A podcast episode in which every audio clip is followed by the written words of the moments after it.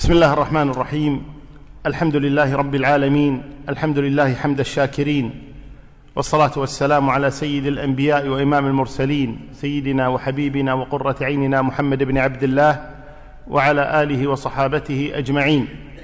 أما بعد فما زلنا مع هذه الرسالة اللطيفة المباركة لمعة الاعتقاد وهي للإمام الموفق أبي محمد بن قدامة المقدسي الجماعيلي العمري العدوي القرشي رحمه الله تبارك وتعالى والمتوفى في القرن السابع الهجري سنة عشرين وستمائة. قال الإمام ابن قدامة رحمه الله تبارك وتعالى ومن صفات الله تعالى أنه الفعال لما يريد لا يكون شيء إلا بإرادته ولا يخرج شيء عن مشيئته وليس في العالم شيء يخرج عن تقديره ولا يصدر إلا عن تدبيره لا ولا محيد عن القدر المقدور ولا يتجاوز ما خط في اللوح المسطور. أراد ما العالم فاعلوه ولو عصمهم لما خالفوه ولو شاء ان يطيعوه جميعا لأطاعوه خلق الخلق وأفعالهم. وقدر أرزاقهم وآجالهم يهدي من يشاء بحكمته. قال تعالى لا يسأل عما يفعل وهم يسألون. وقال تعالى أنا كل شيء خلقناه بقدر. وقال تعالى وخلق كل شيء فقدره تقديرا. وقال تعالى ما أصاب من مصيبة في الأرض ولا في أنفسكم إلا في كتاب من قبل أن نبرأها. وقال فمن يرد الله أن يهديه يشرح صدره للإسلام. ومن يرد أن يضله يجعل صدره ضيقا حرجا. وروي أو روى ابن عمر أن جبريل عليه السلام قال للنبي صلى الله عليه وسلم ما الإيمان؟ قال أن تؤمن بالله وملائكته وكتبه ورسله واليوم الآخر وبالقدر خيره وشره. فقال جبريل صدقته. رواه مسلم. وقال النبي صلى الله عليه وسلم آمنت بالقدر خيره وشره وحلوه ومره. ومن دعاء النبي الذي علمه الحسن بن علي يدعو به في قنوت الوتر وقني شر ما قضيت. هذه المسألة وهي مسألة الإيمان أو مسألة الإيمان بالقضاء والقدر. هذه من العقائد المقررة بل ركن من أركان الإيمان أن الإنسان يؤمن بقضاء الله سبحانه وتعالى. وأن الله كتب مقادير الخلائق قبل خلق السماوات والأرض بخمسين ألف سنة. قبل أن يخلق الله السماوات والأرض بخمسين ألف سنة قدر مقادير الخلائق. ولذلك قال ما أصاب مصيبة في الأرض ولا في أنفسكم إلا في كتاب من قبل أن نبرأها. فالمؤمن يؤمن بأن الله تبارك وتعالى قدر كل شيء وكتبه سبحانه وتعالى. وأن كل ما يحدث في العالم العلوي والعالم السفلي في الأرض وفي السماء كل ما يحدث بلا استثناء لا يحدث إلا بإرادة الله تبارك وتعالى وقدره. لا يمكن أبدا أن يحدث شيء رغما عن الله أبدا. ولكن هذه الإرادة كما قال أهل العلم تنقسم إلى قسمين إلى إرادة شرعية وإرادة قدرية. والذي ضيع و أضل كثيرا من الناس وأنهم لا يفرقون بين هاتين الإرادتين. لا يفرقون بين الإرادة الشرعية والإرادة القدرية. ووفق الله تبارك وتعالى أهل السنة والجماعة إلى التفريق بين هاتين الإرادتين بين الإرادة الشرعية والإرادة القدرية. وخير مثال على ذلك يذكره أهل العلم في مصنفاتهم تلك المجادلة والمحاورة التي تمت بين القاضي عبد الجبار الهمداني المعتزلي وبين أبي إسحاق الإسفرائيني. وذلك أنه قدر الله تبارك وأن الخلي... الأمير هو ليس خليفة الأمير المعتمد ابن عباد دخل عليه القاضي عبد الجبار المعتزلي وكان عنده أبو إسحاق الإسفرائيني. فقال القاضي عبد الجبار الهمدان المعتزلي قال سبحان من تنزه عن الفحشاء. وهذه كما يعني يعبر عنها أهل العلم بقولهم كلمة حق أريد بها باطل. كما قال الخوارج لعلي رضي الله عنه لا حكم إلا لله. قال كلمة حق أريد بها باطل. من منا لا يقول إن الله منزه عن الفحشاء؟ بل الذي لا يقول إن الله منزه عن الفحشاء كافر. لا شك أن الله منزه عن الفحشاء سبحانه وتعالى. ولكن القاضي عبد الجبار أراد شيئا آخر. أراد أن الله لم يخلق الفحشاء أو لم تقع الفحشاء بإرادته سبحانه وتعالى. لأنهم يقولون إن الله لم يكتب أعمال العباد وإنما الأمر أنف مستأنف كلما حدث شيء كتب. ولو كان الله كتب قبل أن يحدث يكون إيش؟ ظلم الناس وأجبرهم على الباطل وأمرهم به لأنهم لا يفرقون كما قلت بين الإرادة القدرية والإرادة الشرعية. فكل قدرية شرعية وكل شرعية قدرية عندهم. فقال سبحان من تنزه عن الفحشاء فرد عليه الإسرائيلي وقال سبحان من لا يقع في ملكه إلا ما يشاء. سبحان من لا يقع في ملكه كما قال ابن قدامة هنا لا يقع إلا مراده سبحانه وتعالى. ما في معصية تقع غصب عن الله أبدا لا يمكن. كفر الكافر بإرادته وإيمان المؤمن بإرادته. ولو شاء لعصم الناس جميعا كما عصم الملائكة. لا يعصون الله ما أمرهم ويفعلون ما يؤمرون. أليس الذي خلق الملائكة هو الذي خلق البشر؟ الذي جعل في الملائكة هذه الخاصية قادر أن يجعلها في البشر سبحانه وتعالى.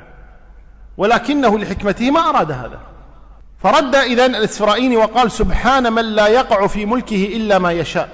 عندها قال القاضي عبد الجبار الذي كما قلنا لا يفرق بين القدرية والشرعية قال أيحب ربنا أن يعصى؟ لأن عنده إرادة المحبة هي إرادة القدر ولا فرق بينهما. فعنده كون المعصية وقعت معناها أن الله يحبها يعني الله يريدها لأنه ما عنده إرادة قدرية وإرادة شرعية بل إرادة واحدة هي قدرية شرعية. فقال أيريد ربنا أن يعصى؟ أيحب ربنا أن يعصى؟ فقال له الإسرائيلي أيعصى ربنا قهرا؟ طيب لو سلمنا لك أن الله لا يحب أن يعصى. يعصى ولا ما يعصى الواقع. ماذا يقول الواقع؟ ها؟ وإن تطع أكثر من في الأرض يضلوك عن سبيل الله. وما أكثر الناس ولو حرصت العصاة أكثر من الطائعين.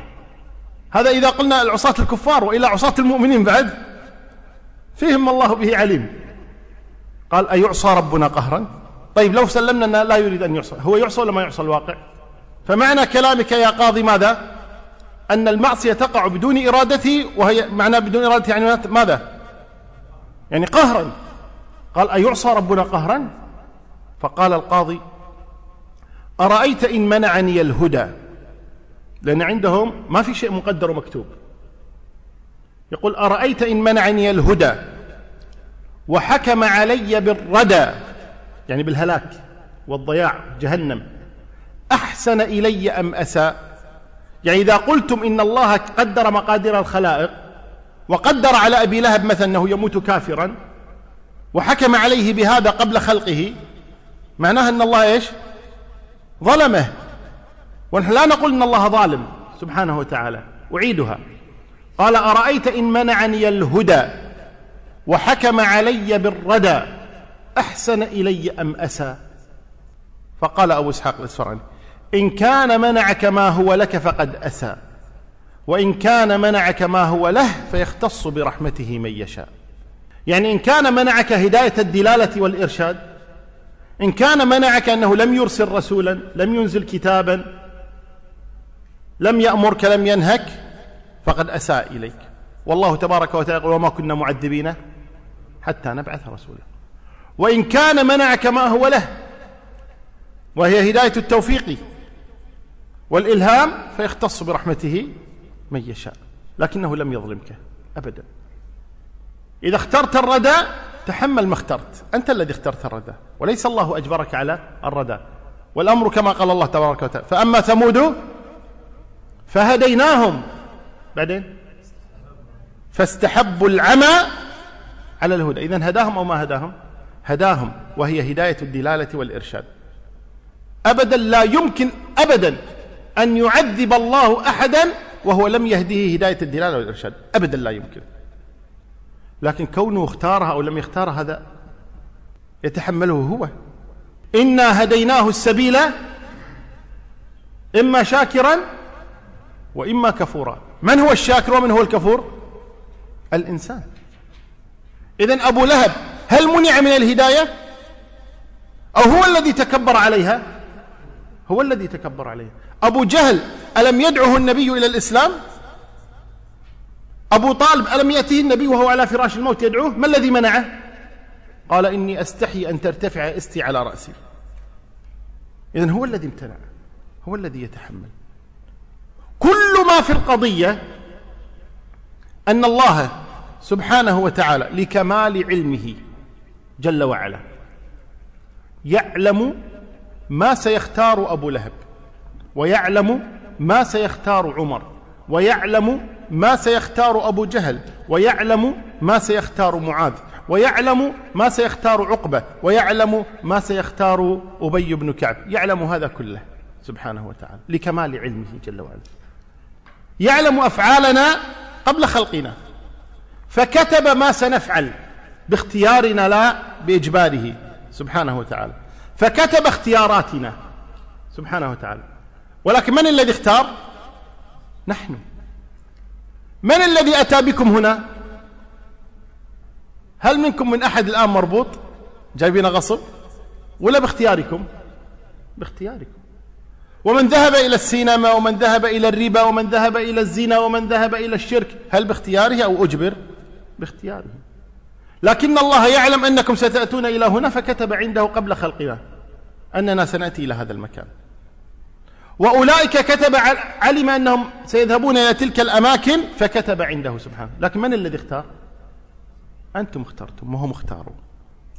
كل ما في الأمر أن الله كتب اختياراتنا لكن نحن الذين اخترنا.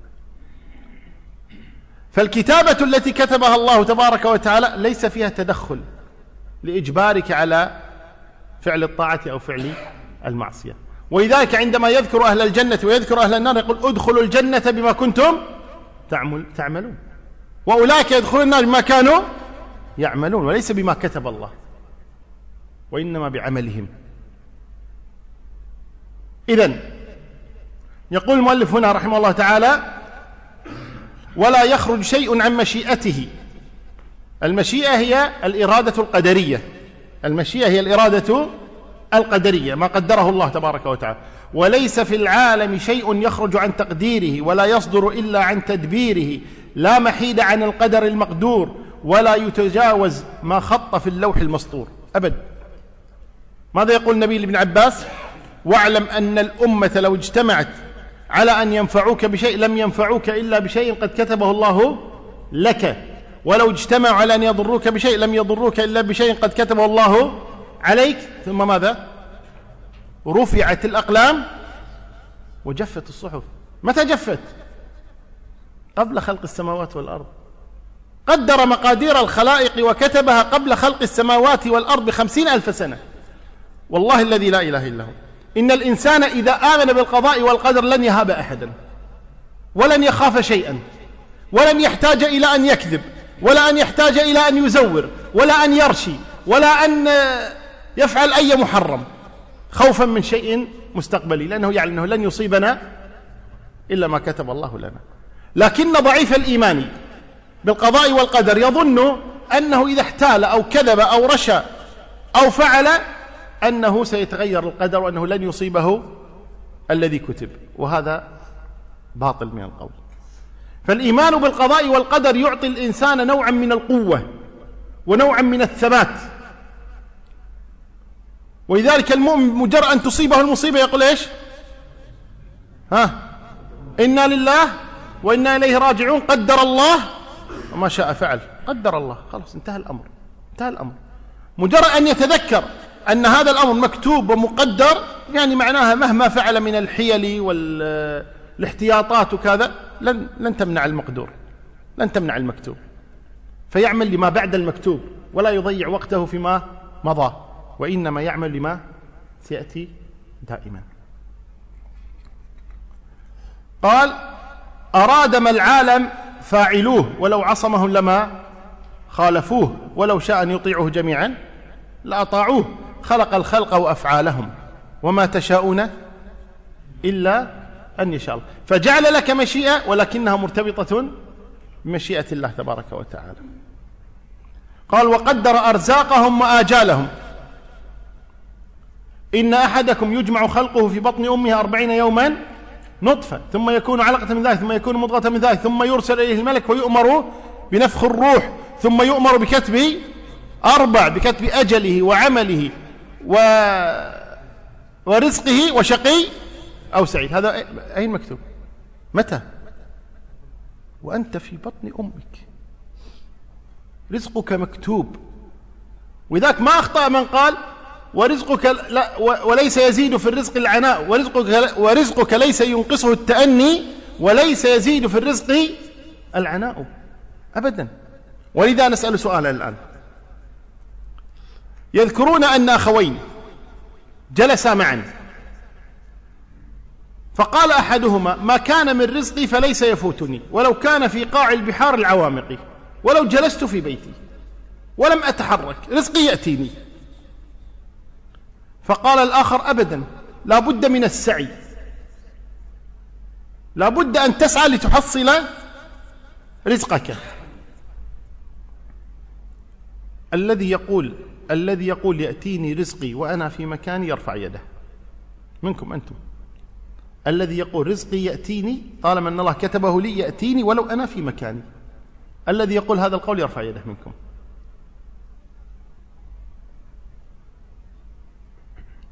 طيب.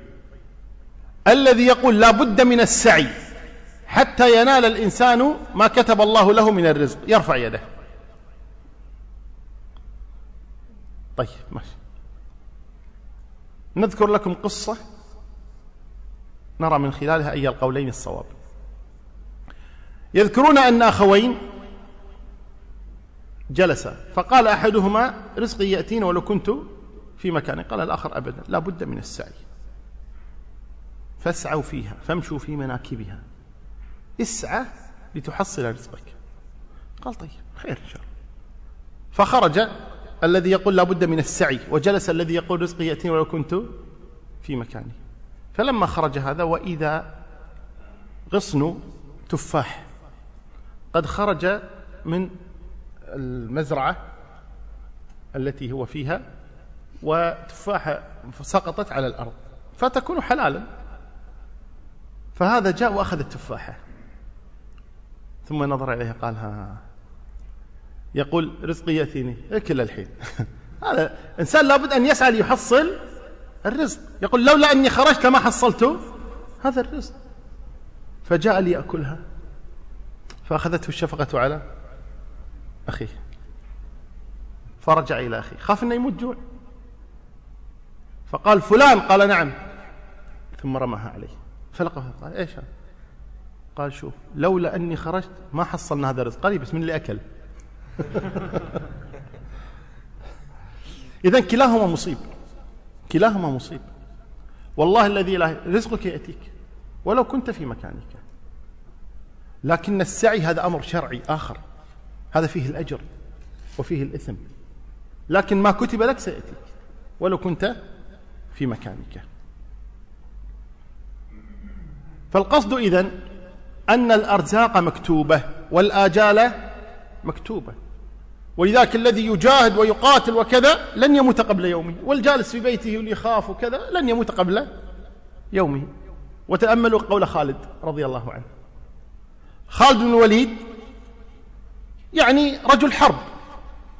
يمكن جلس في المعارك أكثر ما جلس مع أهله. ويحب المعركة أكثر من زوجته وأولاده. ولا لا؟ يقول والله ما من يوم أصبح فيه الناس أصبح فيه العدو.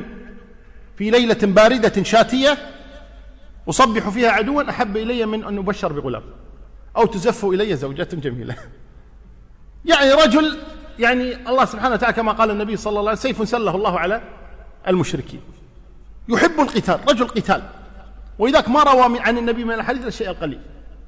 تفرغ للجهاد. هذا الرجل يعني كسرت في يده أسياف كثيرة. وتعرض للموت ما أقول كل يوم لكن في كل معركة يدخلها يتعرض للموت. حتى إنه لما يعني قربت وفاته وكان على فراش الموت يقول والله ما في جسدي موضع شبر إلا وفيه ضربة بسيف أو طعنة برمح أو رمية بسهم. يعني مصوب من كل مكان. يقول أضع شبر ذي هكذا لازم أحوش ضربة سيف أو طعنة رمح أو رمية سهم وين ما تحط. يقول والله ما في جسدي موضع الشبر إلا, في إلا وفيه ضربة سيف أو طعنة رمح أو رمية سهم وها, أذا وها أنا ذا أموت على فراشي كما يموت البعير فلا نامت أعين الجبناء. ليش خايفين؟ ليش خايفين؟ هذا ما خليت معركة ما دخلت وما مت في المعركة. ما مت في المعركة. ليش؟ لأن الله ما كتب أجله إلا هنا. وكان مكتوبا هذا وهو في بطن أمه. وإذا قالوا يخوض الشيخ في بحر المنايا ويرجع سالما والبحر طامي. ويأتي الموت طفل في مهود فيلقى حتفه قبل الفطام. فالإيمان بالقضاء والقدر يريح الإنسان ويطمئنه ويسهل أمره كله. ثم ذكر قال وقدر أرزاقهم وآجالهم يهدي من يشاء بحكمته ثم ذكر الآيات الدالة على ذلك ومنها لا يسأل, لا يسأل عما يفعل وهم يسألون. آه إن كل شيء خلقناه بقدر وخلق كل شيء فقدره تقديرا وما أصاب مصيبة وفمن يرد الله أن يهديه. فالقصد إذن أن هذه هي آه أقدار الله التي كتبها. كلكم يعرف رجلا يقال له أبو الحسن الأشعري الذي ينسب إليه المذهب الأشعري اليوم. أبو الحسن الأشعري الذي هو علي بن إسماعيل رحمه الله تعالى هذا الرجل ولد يتيما وكانت أمه بعد موت أبيه تزوجت رجلا يقال له أبو علي الجبائي. وأبو علي الجبائي هذا رأس المعتزلة في زمنه. فتربى أبو الحسن الأشعري عند الأشعري عند زوج أمه. ويقال له ربيبه. تربى عنده. فطبيعي جدا هذا يأخذه معه للدروس والحلاق وغيرها كذا فتشرب الاعتزال. فكان أبو الحسن الأشعري معتزليا رغم أنفه. بالولادة. أبواه يهودانه أو يمجسانه أو ينصرانه. فالمهم أنه صار معتزليا. حتى بلغ الأربعين من عمره. وكانت تمر عليه بعض قضايا الاعتزال ولا يقبلها في عقله ولكنه يفوتها. حتى جاء اليوم الذي وقف فيه أبو الحسن على المنبر. ثم نادى زوج أمه أبا علي الجبائي. لأن المعتزلة يقولون أن ما في شيء مكتوب وما في شيء مقدر. والأمر أنف. بعد ما تفعل يكتب الله. لأن لو كتب قبل ما تفعل يكون إيش؟ هناك ظلم. هناك إيش؟ ظلم. يقولون. ويقول ويجب على الله أن يفعل لك الأحسن. ونحن نقول يجب على الله أن يفعل آه، نقول الله يفعل ما يريد. سبحانه وتعالى. ما في شيء يجب على الله. سبحانه وتعالى. هم يقول لا يجب على الله أن يفعل. وذاك عندهم قاعدة أو كلمة قال ليس بالإمكان أحسن مما كان. لأنه لو ما أعطاك أحسن شيء يكون ظلمك هكذا يقولون. فصعد أبو الحسن على المنبر ثم نادى زوج أمه. فقال يا أبا علي. قال نعم. قال حدثني عن ثلاثة إخوة. قال ما لهم؟ قال أحدهم عمل بالطاعات طوال عمره حتى توفاه الله تبارك وتعالى فما مصيره عندكم؟ قال في الجنة. قال صدقت. قال وله أخ آخر قد أسرف على نفسه بالمعاصي وقصر كثيرا فما مصيره عندكم؟ قال هذا في جهنم لأن المعتزلة يذهبون إلى أنه في منزلة بين المنزلتين في هذه الدنيا وفي الآخرة في جهنم صاحب الكبيرة. قال فما مصيره؟ قال في جهنم. قال أصبت. أصبت على بناء على معتقدهم. قال ولهم أخ ثالث. مات صغيرا. أين يكون؟ صغير هذا. قال في الجنة. وهذا هو الصحيح أن أطفال المسلمين في الجنة. قال في الجنة. قال أصبت. سؤال ثاني. قال نعم. قال هذا الصغير الذي دخل الجنة هل ينال منزلة أخيه الكبير في الجنة؟ لأن الجنة منازل ودرجات. قال هل ينال منزلة أخيه الكبير في الجنة؟ قال لا. قال لما قال لم يعمل كما عمل. ذاك صلى وصام وزكى وحج وجاهد وأمر ونهى ودعا وفعل. واضح؟ فلا يمكن أن يحمد ربه هذا من دخل الجنة يعني. بدون عمل. هذا ما عمل شيء ودخل الجنة. كيف يساوي بالذي عمل ودخل الجنة؟ لا, لا ينال درجته. قال يشتكي ويعترض على الله. قال بما يعترض؟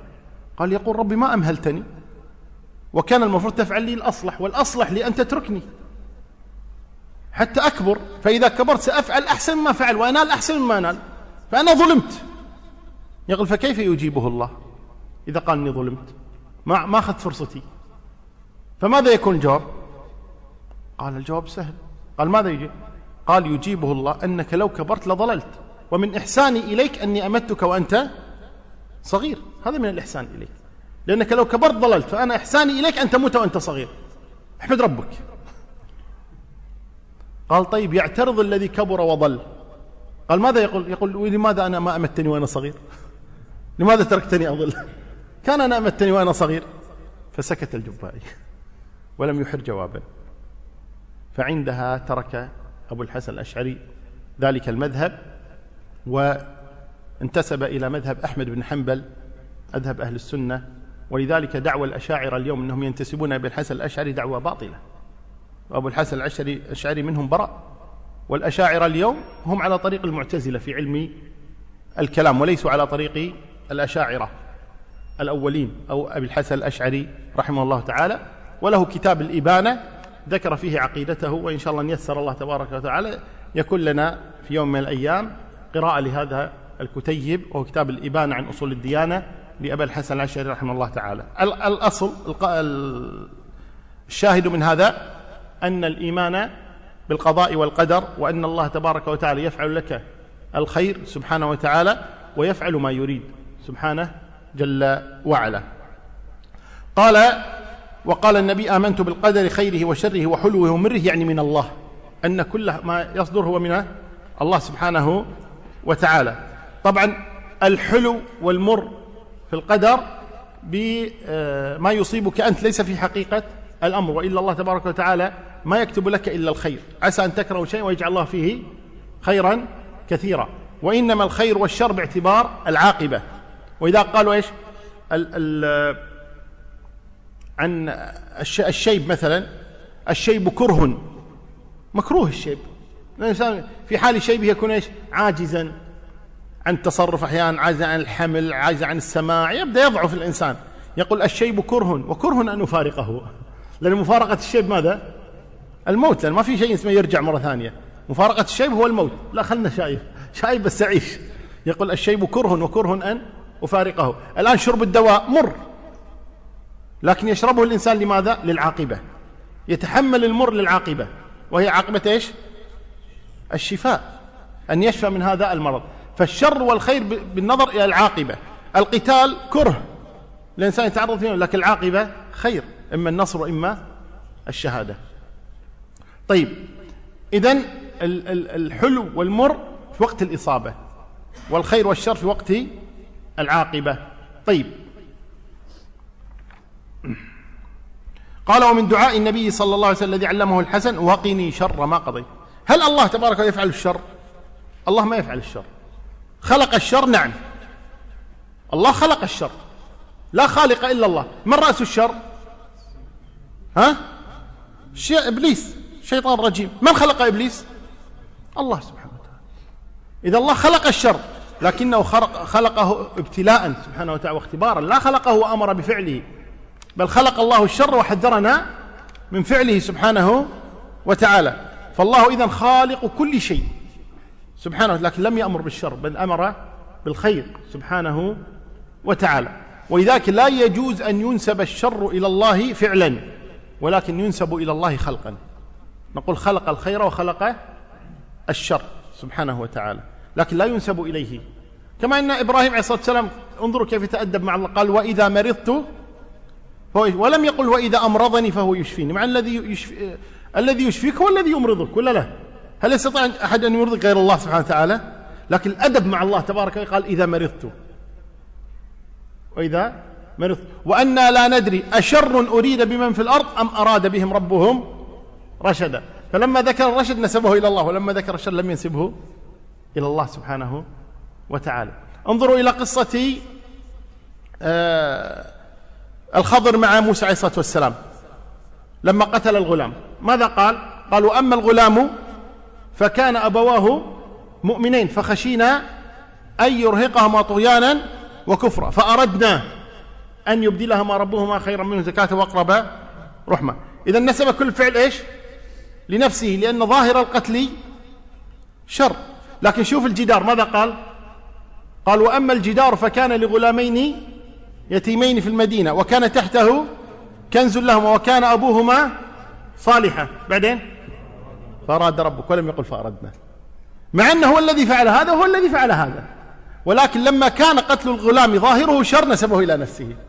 ولما كان بناء الجدار ظاهره خير نسبه إلى الله. ولذلك في النهاية كلها, كلها ماذا قال؟ قال وما فعلته عن أمري. كل الأمر بيد الله سبحانه وتعالى. ولكن الأدب مع الله تبارك وتعالى لا ينسب الشر. ولذلك نقول إيش؟ والخير كله في يديك والشر ليس إليك. أي لا ينسب إليك فعلا وإن كان ينسب إليه خلقا. سبحانه وتعالى. قال ولا نجعل قضاء الله وقدره حجة لنا في ترك أوامره واجتناب نواهيه. هذا ما يجوز. إنسان يحتج بالقضاء والقدر على المعاصي.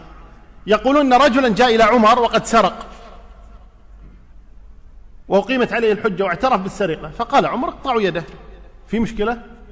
عندك مشكلة؟ ها؟ ما في مشكلة. قال عمر اقطعوا يده. سرق. فقال الرجل يا أمير المؤمنين لحظة لحظة يا قال نعم. قال إنما سرقت بقضاء الله. يعني الله كاتب علي. تحاسبوني على شيء الله كاتب علي؟ إنما سرقت بقضاء الله. فقال عمر ونحن نقطعها بقضاء الله. نقطعها وبعدين نقول قطعوها بقضاء الله. في المشكلة يعني؟ قال ونحن نقطعها بقضاء الله أيضا. أنت قدر الله عليك أن تسرق ونحن قدر علينا أن نقطع. اقطع.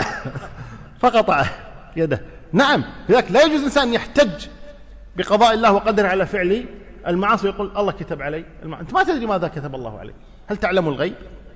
لا يجوز له أنت هذا من التألي على الله أن يقول كتب علي. ما تدري أنه كتب عليك وما كتب عليك إلا بعد أن يفعل الإنسان هذا الفعل. لكن قبل أن يفعل هذا الادعاء علم الغيب. والعياذ بالله. نعم. قال ولا نجعل قضاء الله وقدره حجة لنا في ترك أوامره واجتناب نواهيه بل يجب أن نؤمن ونعلم أن لله علينا الحجة بإنزال الكتب وبعثة الرسل. قال تعالى لئلا يكون للناس على الله حجة بعد الرسل.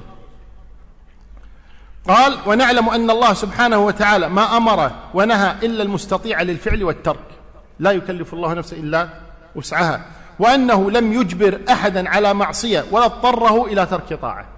أبدا. لا يجبرك الله على معصية ولا يجبرك على ترك طاعة. أبدا. وإنما أنت الذي تختار الطاعة وأنت الذي تختار خلاف ذلك. قال تعالى لا يكلف الله نفسا إلا وسعها وقال تعالى فاتقوا الله ما استطعتم وقال اليوم تجزى كل نفس بما كسبت. إذن الطاعة كسب لك والمعصية كذلك. نعم. قال فدل على أن للعبد فعلا وكسبا يجزى على حسنه بالثواب وعلى سيئه بالعقاب وهو واقع بقضاء الله وقدره. لماذا؟ لأن العبد مخلوق لله وكذلك فعله مخلوق لله تبارك وتعالى. فمن هذا الاعتبار من هذا النظر أن العبد مخلوق وفعله وكسبه مخلوق لله تبارك وتعالى ينسب إلى الله تبارك وتعالى. وما تشاءون إلا أن يشاء الله تبارك وتعالى. فالعمل إذن ينسب إلى العبد كسبا لأنه هو الذي اكتسب هذا الفعل. وينسب إلى الله تبارك وتعالى خلقا وتقديرا. إذا ينسب إلى العبد كسبا وتحصيلا وينسب إلى الله خلقا وتقديرا.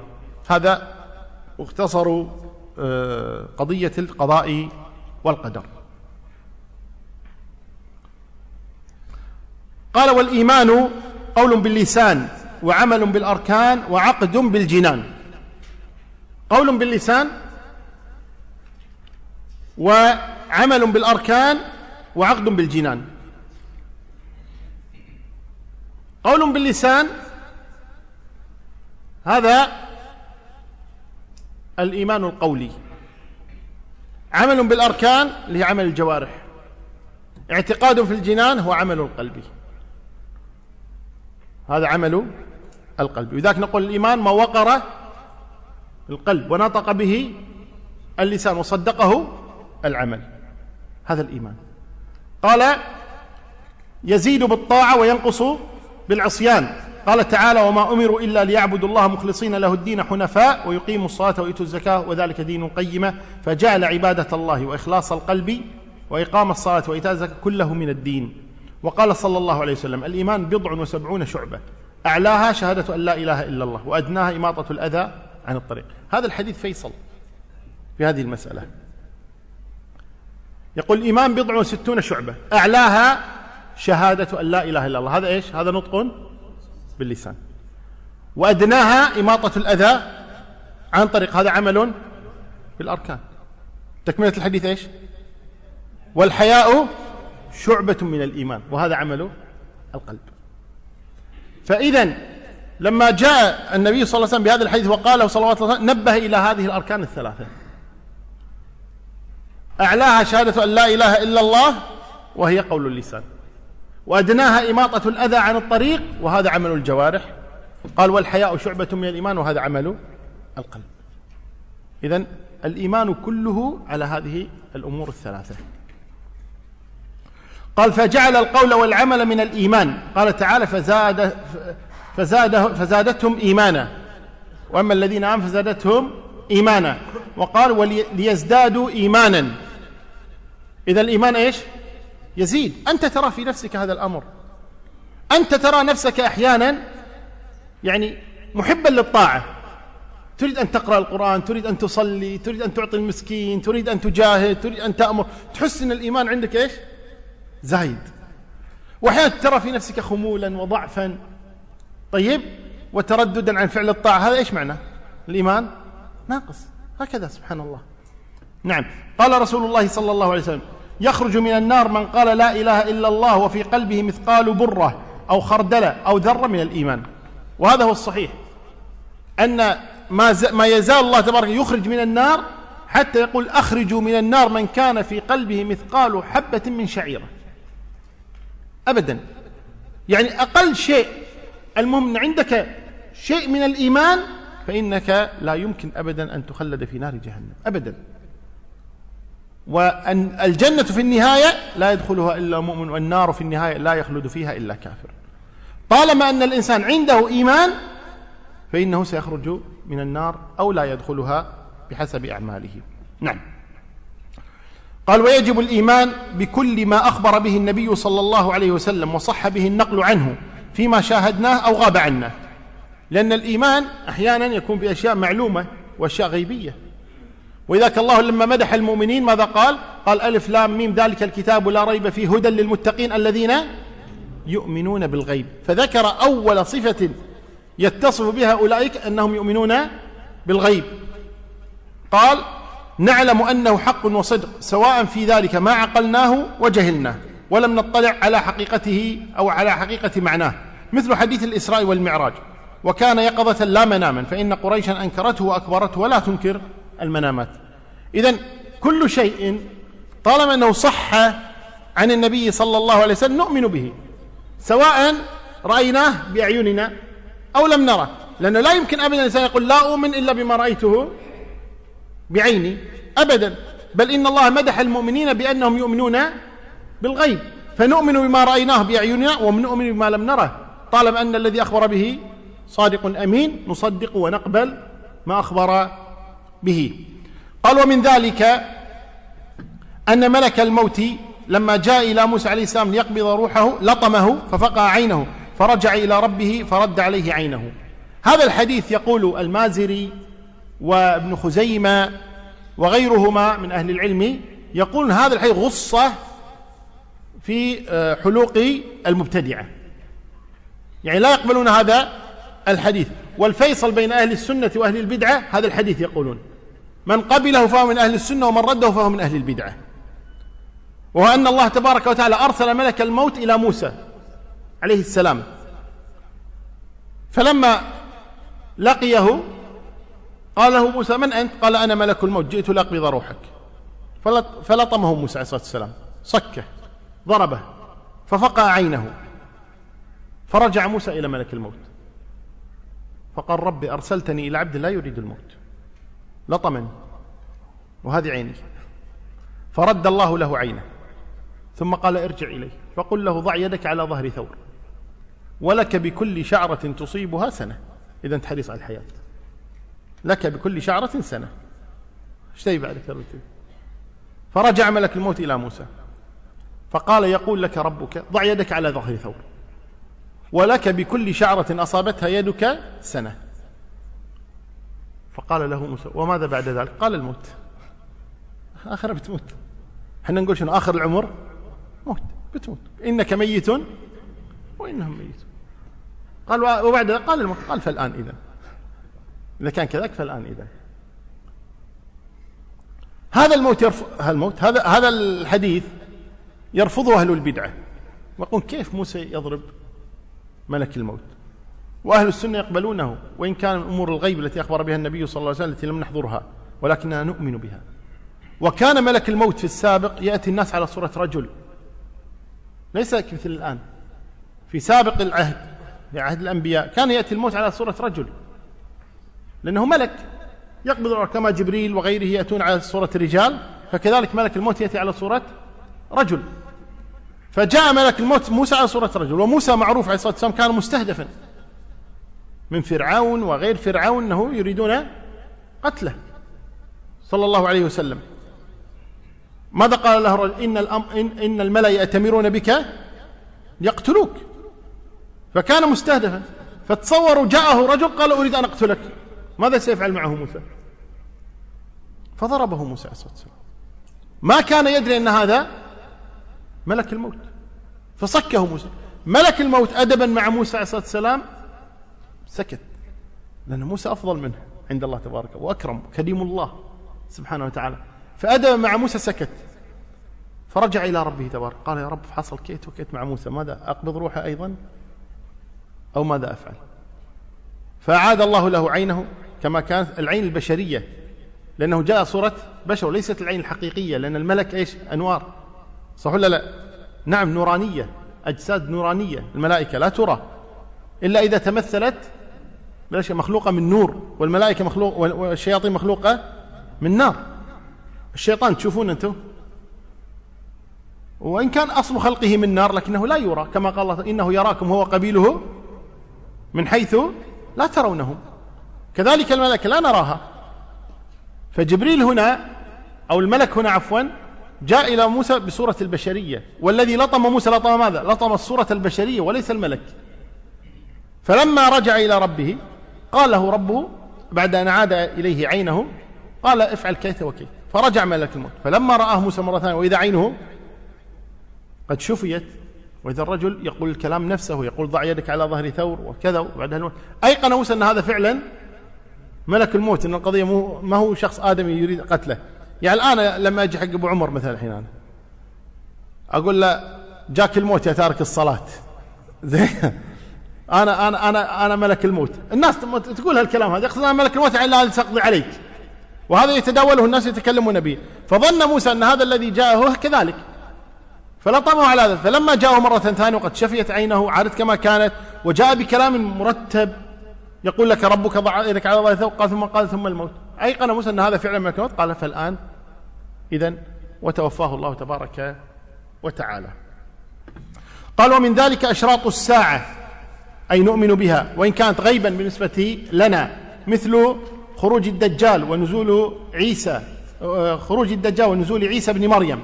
الدجال آه، رجل من بني آدم رجل من بني آدم آه، يخرج في آخر الزمان فتنة يفتن الله تبارك وتعالى به الناس ويختبر فيه دينهم واتباعهم. ثم يهلكه الله تبارك وتعالى يد عيسى بن مريم صلوات ربي وسلامه عليه. وهو موجود على وجه الأرض ولكن لا يعلم مكانه. مقيد كما أخبر النبي صلى الله عليه وسلم. ويقول النبي صلى الله عليه وسلم من نوح إلى محمد صلى الله عليه وسلم ما من نبي إلا ويحذر قومه الدجال. وهي من أعظم الفتن التي تصيب الناس. ويكون أكثر أتباعه النساء وأكثر أتباعه اليهود وخاصة من يهود أصفهان من إيران. هؤلاء يكون أكثر أتباع الدجال. ويدخل الأرض كلها ما عدا مكة والمدينة لا يستطيع أن يدخلها. ويلجأ الناس إلى عيسى عند خروج الدجال ثم يذهبون إلى الشام. يكون اجتماعهم في الشام المؤمنون هناك ثم يكون القتال ويقتل الدجال يقتله عيسى صلوات ربه وسلامه عليه. قال ونزول عيسى بن مريم عليه السلام. عيسى بن مريم نبي رسول من أولي العزم من الرسل لم يكمل رسالته بعد. أدى بعض رسالته وبقي البعض. رفعه الله إليه كما قال إني متوفيك ورافعك إلي. فالله رفع عيسى إليه وسيأتي ليكمل ولكن على شريعة محمد صلى الله عليه وسلم. فعيسى إذن عاش دورين الدور الأول على شريعة موسى والدور الثاني على شريعة محمد. أما العقيدة فواحدة عقيدة موسى وعيسى ومحمد واحدة وإنما الشريعة تختلف. فعندما ينزل سيحكم بشريعة محمد صلى الله عليهم جميعا. وعيسى بن مريم أول ما ينزل ينزل في الشام أيضا. صلوات ربي وسلامه ويتبعه المؤمنون. هناك وأول ما ينزل ينزل وقت صلاة العصر. وكانوا قد قدموا إمامهم ليصلي بهم فينزل عيسى عليه الصلاة والسلام فيقدمونه إلى الصلاة فيقول بل إمامكم منكم تكرمه الله لهذه الأمة. فيصلي رجل من المسلمين بالناس وفيهم عيسى صلى الله عليه وسلم.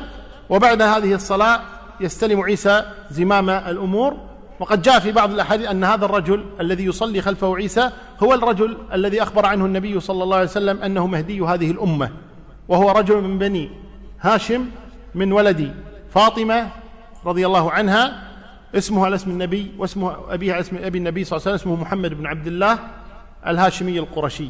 هذا الذي يصلي خلفه الدجال آه، عفوا عيسى عليه الصلاة والسلام على قول أكثر أهل العلم. قال وخروج يأجوج ومأجوج يأجوج ومأجوج قبيلتان من البشر. عددهم كبير. وما روي من أن أحدهم ينام على أذن ويلتحف بالأذن. الثانية وأن رؤوسهم مطارق وأنه آه، أنهم عمالقة. وغير هذا الكلام كله غير صحيح. ما ثبت شيء من هذا. كل ما ثبت أن يأجوج ومأجوج ذكروا في القرآن الكريم. مع ذي القرنين. ذكرهم الله تبارك وتعالى. حتى إذا بلغ بين السدين وجد من دونهما قوما لا يكادون يفقهون قولا قالوا يا ذا القرنين إن يأجوج ومأجوج مفسدون في الأرض. فهل نجعل لك خرجا على أن تجعل بيننا وبينهم سدا؟ فجعل السد بين يأجوج ومأجوج وما زال السد موجودا الله أعلم بمكانه. فإذا جاء اليوم الذي يقدر الله فيه الخروج لهم يفتحون هذا السد ويخرجون ويخرجون ويفسدون في الأرض مرة ثانية وهذه علامة على قيام الساعة. قال وخروج الدابة. وهذه الدابة كذلك آه، يعني حيوان يمشي على أربع يدب على أربع. ذكر أن يكون معها خاتم سليمان وعصا موسى. طيب وأنها تميز المؤمن من الكافر. وخروج هذه الدابة كذلك دليل على أن الساعة قد قربت. قال وطلوع الشمس من مغربها. الشمس كل يوم تطلع من المشرق تستأذن ربها فتطلع من المشرق وتتجه إلى المغرب. فإذا جاء اليوم الثاني استأذنت وهكذا. فيأتي يوم للشمس تطلع من المشرق فتذهب إلى المغرب ثم تستأذن لتشرق فلا يؤذن لها بل تطلع مرة ثانية من المغرب. فإذا طلعت الشمس من المغرب فهذا أيضا إيذان بقيام الساعة. وهذا فيه قول الله تبارك وتعالى هل ينظرون إلا أن تأتيهم الملائكة أو يأتي ربك أو يأتي بعض آيات ربك؟ يوم يأتي بعض آيات ربك لا ينفع نفسا إيمانها لم تكن آمنت من قبل أو كسبت في إيمانها خيرا. قال النبي صلى الله عليه وسلم مفسرا لهذه الآية هو طلوع الشمس من مغربها. أن تطلع الشمس من مغربها. البعض يقول تشرق الشمس من المغرب. لا ما تشرق تطلع من المغرب لأن تشرق من الشروق. من المشرق لكن هنا تطلع من المغرب. نعم. قال وأشباه, وأشباه ذلك مما صح به النقل. قال وعذاب القبر ونعيمه حق وقد استعاذ النبي صلى الله عليه وسلم منه وأمر به في كل صلاة. هذا نؤمن به كما قال الله تبارك وتعالى النار يعرضون عليها غدوا وعشية ويوم تقوم الساعة أدخلوا آل فرعون أشد العذاب. قالوا النار يعرضون عليها في قبورهم. ومنها قول النبي صلى الله عليه وسلم إنهما لا يعذبان وما يعذبان في كبير. ومنها قول النبي صلى الله عليه وسلم استعيذوا بالله من أربع أي في الصلاة قبل السلام. اللهم نعوذ من عذاب جهنم وعذاب القبر وفتنة المحيا والممات ومن شر فتنة المسيح الدجال. فيؤمن المسلمون بعذاب القبر وإن كانوا لا يدركون كنهة. هذا الأمر. ولكن يؤمنون. والله على كل شيء قدير سبحانه وتعالى. وأما ما يقول به البعض وهو أنه لو فتحت قبرا لما وجدت شيئا هذا كلام باطل. إنسان أحيانا قد قد يتعذب أمامك وهو نائم وأنت لا تشعر به. فهذه من الأمور الغيبية التي نؤمن بها ونصدقها ونكل أمرها إلى الله سبحانه وتعالى. وكذلك الذين آه، يعني ماتوا بحيث أكلتهم السباع أو احترقوا أو قطعوا كما فعل الرجل الذي قال لأولاده إذا أنا مت فخذوني فأحرقوني ثم ذروا نصفي في الهواء ونصفي في الماء. جمعه الله. فالذي جمع هذا قادر على أن يجمع من أكلته السباع ومن أحرقته النار ومن قطع إربا إربا يجمعهم الله جميعا. ثم يوقع عليهم العذاب في قبورهم أو النعيم بحسب أعمالهم. قال وفتنة القبر حق وسؤال منكر ونكير حق. منكر ونكير قال بعض أهل العلم هما ملكان. ملك اسمه منكر وملك اسمه نكير. والصحيح والله الأعالم أن منكر ونكير لقبان وليس اسمين وإنما هذان لقبان لملكين يختبران الإنسان وهو في قبره فيجلسانه ويقررانه من ربك ما دينك ما هذا النبي الذي بعث فيكم أو ما هذا الرجل الذي بعث فيكم. قال والبعث بعد الموت حق وذلك حين ينفخ, ينفخ إسرافيل عليه السلام في الصور فإذا هم من الأجداث إلى ربهم ينسلون. قال ويحشر الناس يوم القيامة حفاة عراة غرلا بهما. قلنا حفاة من النعال عراة من الملابس غرلا أي غير مختونين بهما أي ليس معهم شيء من حطام هذه الدنيا. وإن كانت بهما هذه لم تصح في الرواية وإنما الذي صح في الرواية حفاة عراة غرلا.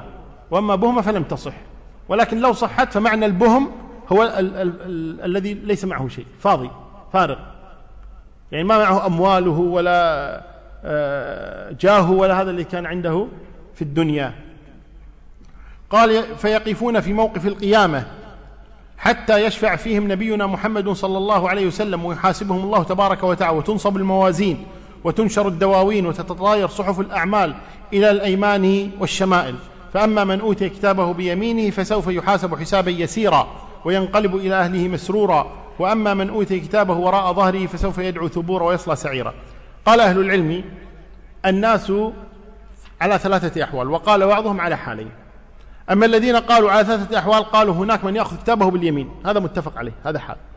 الحال الثاني قالوا هناك أناس يأخذون كتابهم بالشمال هذا حال. الحال الثالث قال أناس يأخذون كتابهم من وراء ظهرهم فهذا حال. فقالوا إذا الناس على ثلاثة أحوال. قالوا المؤمن يأخذ كتابه بيمينه والكافر يأخذ كتابه بشماله والمنافق يأخذ كتابه من وراء ظهره. وقال بعض أهل العلم بل الناس على حالين.